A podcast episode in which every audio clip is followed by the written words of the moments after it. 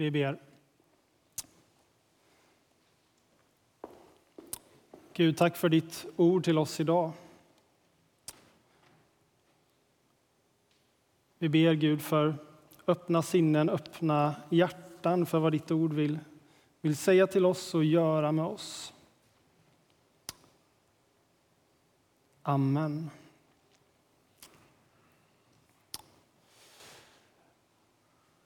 Under tre söndagar så ser vi på hur Jesus möter människor. Tre olika möten, vart och ett unikt, men där vi också kan lära känna Jesus och se hur han är. Och att Jesus i ett möte med en människa är liksom sig själv utan att tumma på sina övertygelser om vad som är gott och sant. Men samtidigt utan att känna sig hotad av den andre och bli på defensiven. Jesus har en unik förmåga att på ett okonstlat sätt möta och samtala med människor.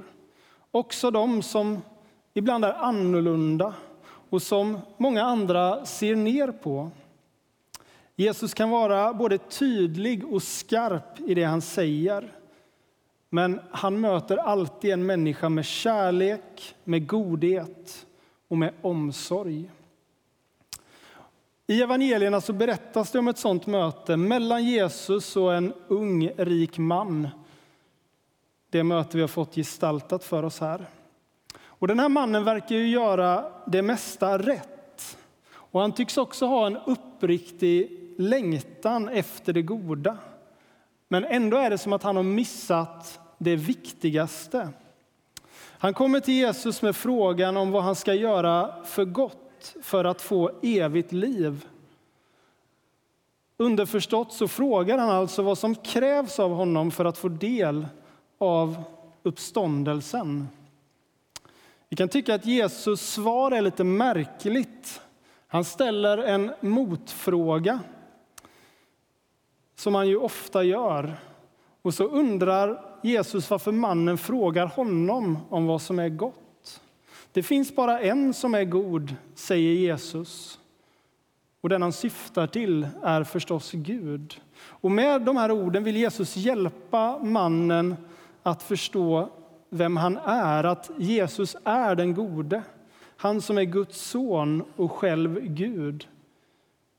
Jesus vill vägleda honom i sitt sökande. I Johannes evangeliet säger Jesus de här orden. Ni forskar i skrifterna därför att ni tror att de kan ge er evigt liv. Just dessa vittnar om mig, men ni vill inte komma till mig för att få liv.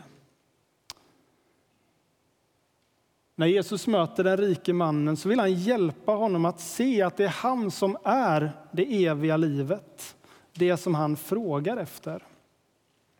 Men, fortsätter Jesus, vill du gå in i livet så håll budorden.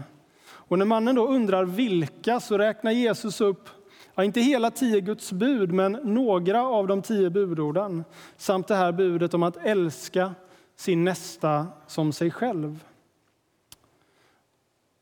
När mannen svarar att han har hållit allt detta så Kanske han väntar sig beröm av Jesus.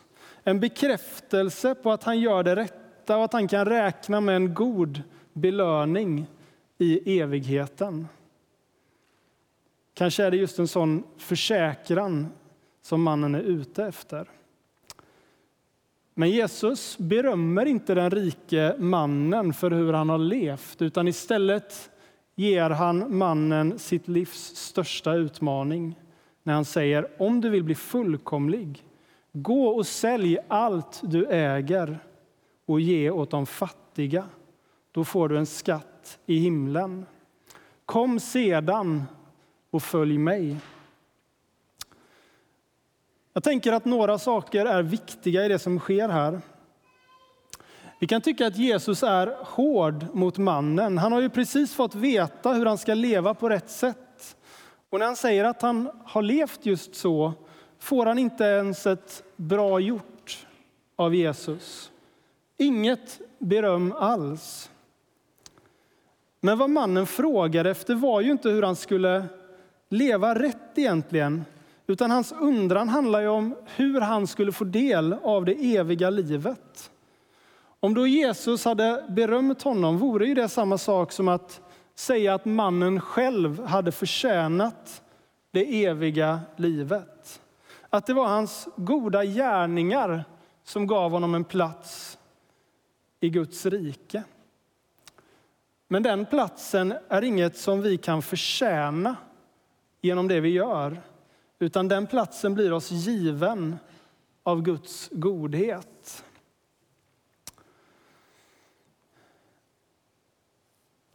För mig blev det slående i förberedelserna inför den här gudstjänsten att eh, texten om den rike mannen som finns i tre av evangelierna, på alla ställen där den finns med står precis efter den text som berättar om hur Jesus välsignar barnen.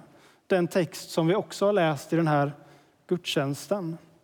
Både när Matteus, Markus och Lukas berättar om detta så står först texten om Jesus och barnen och sen kommer texten om den unge mannen som ägde mycket. Och I texten om Jesus och barnen så läste vi att Guds rike redan tillhör barnen. De har liksom redan sin plats där. Medan mannen med sin rikedom kanske tänkte att han kunde köpa sig det eviga livet i Guds rike. Men det är liksom inte så det funkar. I den kanske mest kända av bibelverser, Johannes 3 och 16, läser vi Så älskade Gud världen att han gav den sin enda son för att de som tror på honom inte ska gå under utan ha evigt liv. Svaret på mannens fråga vad han ska göra för gott för att få evigt liv är att vi faktiskt inte behöver göra något utan att det eviga livet ges oss som en gåva från Gud. Det finns i tron på Jesus Kristus. För Gud älskar hela skapelsen, världen, varje människa så högt att han inget hellre vill än ge oss det. Det är Guds gåva. Men då är väl allt väl? Bara den rike mannen fattar det här är det väl inga problem? Nej, riktigt så enkelt är det inte. För mannen vet ju att något fattas honom. Det liv han har levt är inte nog. Och det finns något som står i vägen för det han längtar efter. Den rikedom och de ägodelar han hade kunde inte ge honom vad han ville ha. Han vet det själv och han säger till Jesus, kanske med ett stråk av desperation och längtan i rösten. Vad är det som fattas? Vad är det som fattas? Den här frågan ställs för 2000 år sedan i ett möte mellan Jesus och en desillusionerad människa. Men jag tänker att det är en fråga som ekar genom historien och som kan ställas av människor i alla tider. Om vi backar ytterligare nästan tusen år före det här mötet mellan Jesus och den rike mannen så utbrister predikaren som har en bok i Gamla testamentet uppkallad efter sig. Och han har ju prövat olika livsvägar för att nå livets goda. Han har sökt i lyx och utsvävningar och njutning. Han har prövat allt, men konstaterar efteråt med de här orden. Tomhet, idel tomhet, allt är tomhet. Och även om vi kanske skulle använda några andra ord så tänker jag att det skulle kunna formuleras på ett liknande sätt också idag av en människa som i någon mening har allt, men som ändå upplever att något fattas. Det goda livet fanns inte i alla ambitioner jag hade. Det fanns inte i rikedomar och ägodelar som jag samlade på mig. Utan när jag har prövat allt fanns bara tomhet kvar. Och jag kanske säger som predikaren eller som mannen som mötte Jesus. Vad är det som fattas?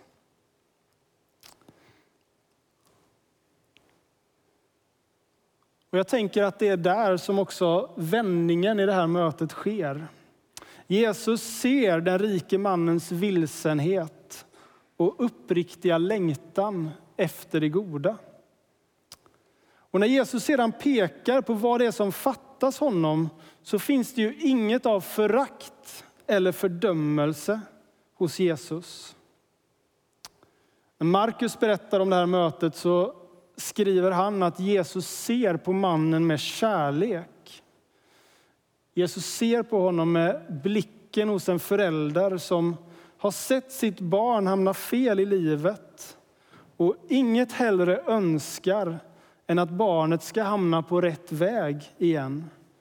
Den väg som leder till livet. Och så säger Jesus, som vet allt och ser allt som finns i människan. Om du vill bli fullkomlig, så gå och sälj allt du har och ge åt de fattiga. Då får du en skatt i himlen. Kom sedan och följ mig.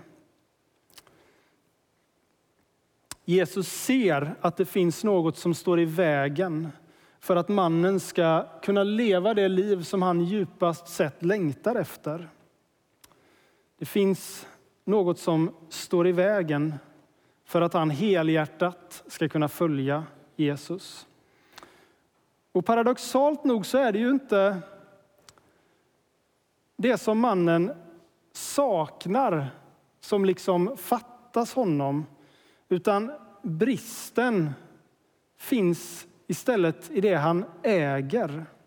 Det är mannens rikedom som har blivit liksom en börda för honom som han måste lägga av för att kunna leva det liv som han egentligen skulle vilja leva, men som han inte förmår eftersom det han äger har snärjt honom. Om han hade lyssnat till Jesus och gjort som Jesus sa, då hade den här mannen kunnat gå ifrån mötet med Jesus, inte bestulen på det han hade, utan befriad från det som höll honom fången. Fri att leva ett annat liv. I just det här fallet så handlar det om rikedom. Men det kan såklart vara andra saker som står i vägen för en människas efterföljelse. Och i sin kärlek så kallar Gud oss till att göra upp med det. Göra upp med det som står i vägen, som vi måste lämna innan vi kan komma och följa. Och när vi ärligt och uppriktigt ställer frågan, vad är det som fattas? Så kan Jesus få peka på sånt i våra liv som vi behöver göra upp med. Och då kan det paradoxala ske att vi får något genom att ge upp något annat. När jag överlåter mitt liv i Guds händer så kan ju det vara att ge upp något av mitt eget. Men istället får jag något mycket större. När jag ges en plats i Guds rike och inbjuds att leva det goda liv som Gud vill för mig. Och det livet behöver jag inte förtjäna. Men för att få syn på det kan jag behöva lyssna till den längtan som ropar inom mig med en röst som säger, vad är det som fattas?